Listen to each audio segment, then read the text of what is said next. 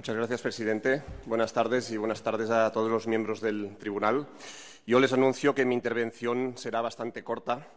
Hablar tras eh, las numerosas intervenciones que me han precedido tiene el inconveniente que algunas de las cosas que yo podría decir ya se han dicho y no voy a reiterarlas, pero tiene de bueno que podré ser más breve.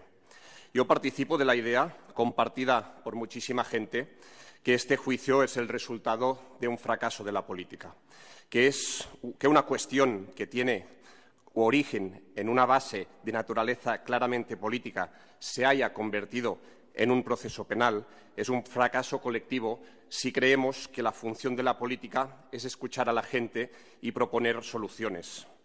Trasladar los temas políticos a los tribunales hace un flaco favor a la política y seguro que en nada ayuda a la justicia.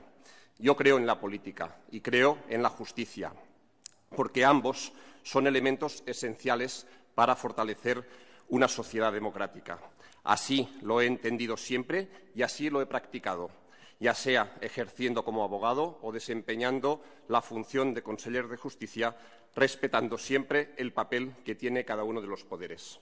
Estoy seguro que estamos a tiempo de buscar caminos que nos acerquen a las soluciones, enrocar las posiciones o conducir los temas a callejones sin salida es siempre, a mi entender, un camino equivocado.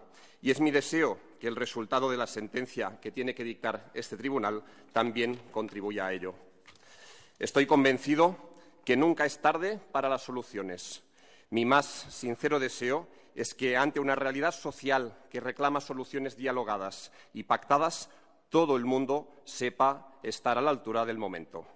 Quiero acabar con un sincero agradecimiento a todas las personas que en Cataluña y también aquí en Madrid y en muchos sitios de España nos expresan su afecto y su solidaridad ante la dura situación personal con una petición, en mi caso, de siete años de cárcel.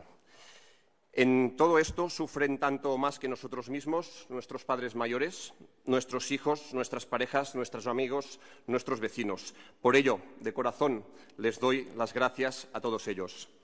Y mis últimas palabras en este juicio son para expresar el deseo, estoy seguro, que compartido por millones de personas, sean cuales sean sus ideas, que quieren que los nueve compañeros y compañeras que hoy están todavía en la cárcel puedan salir en libertad, puedan regresar a su casa y puedan abrazar a su familia.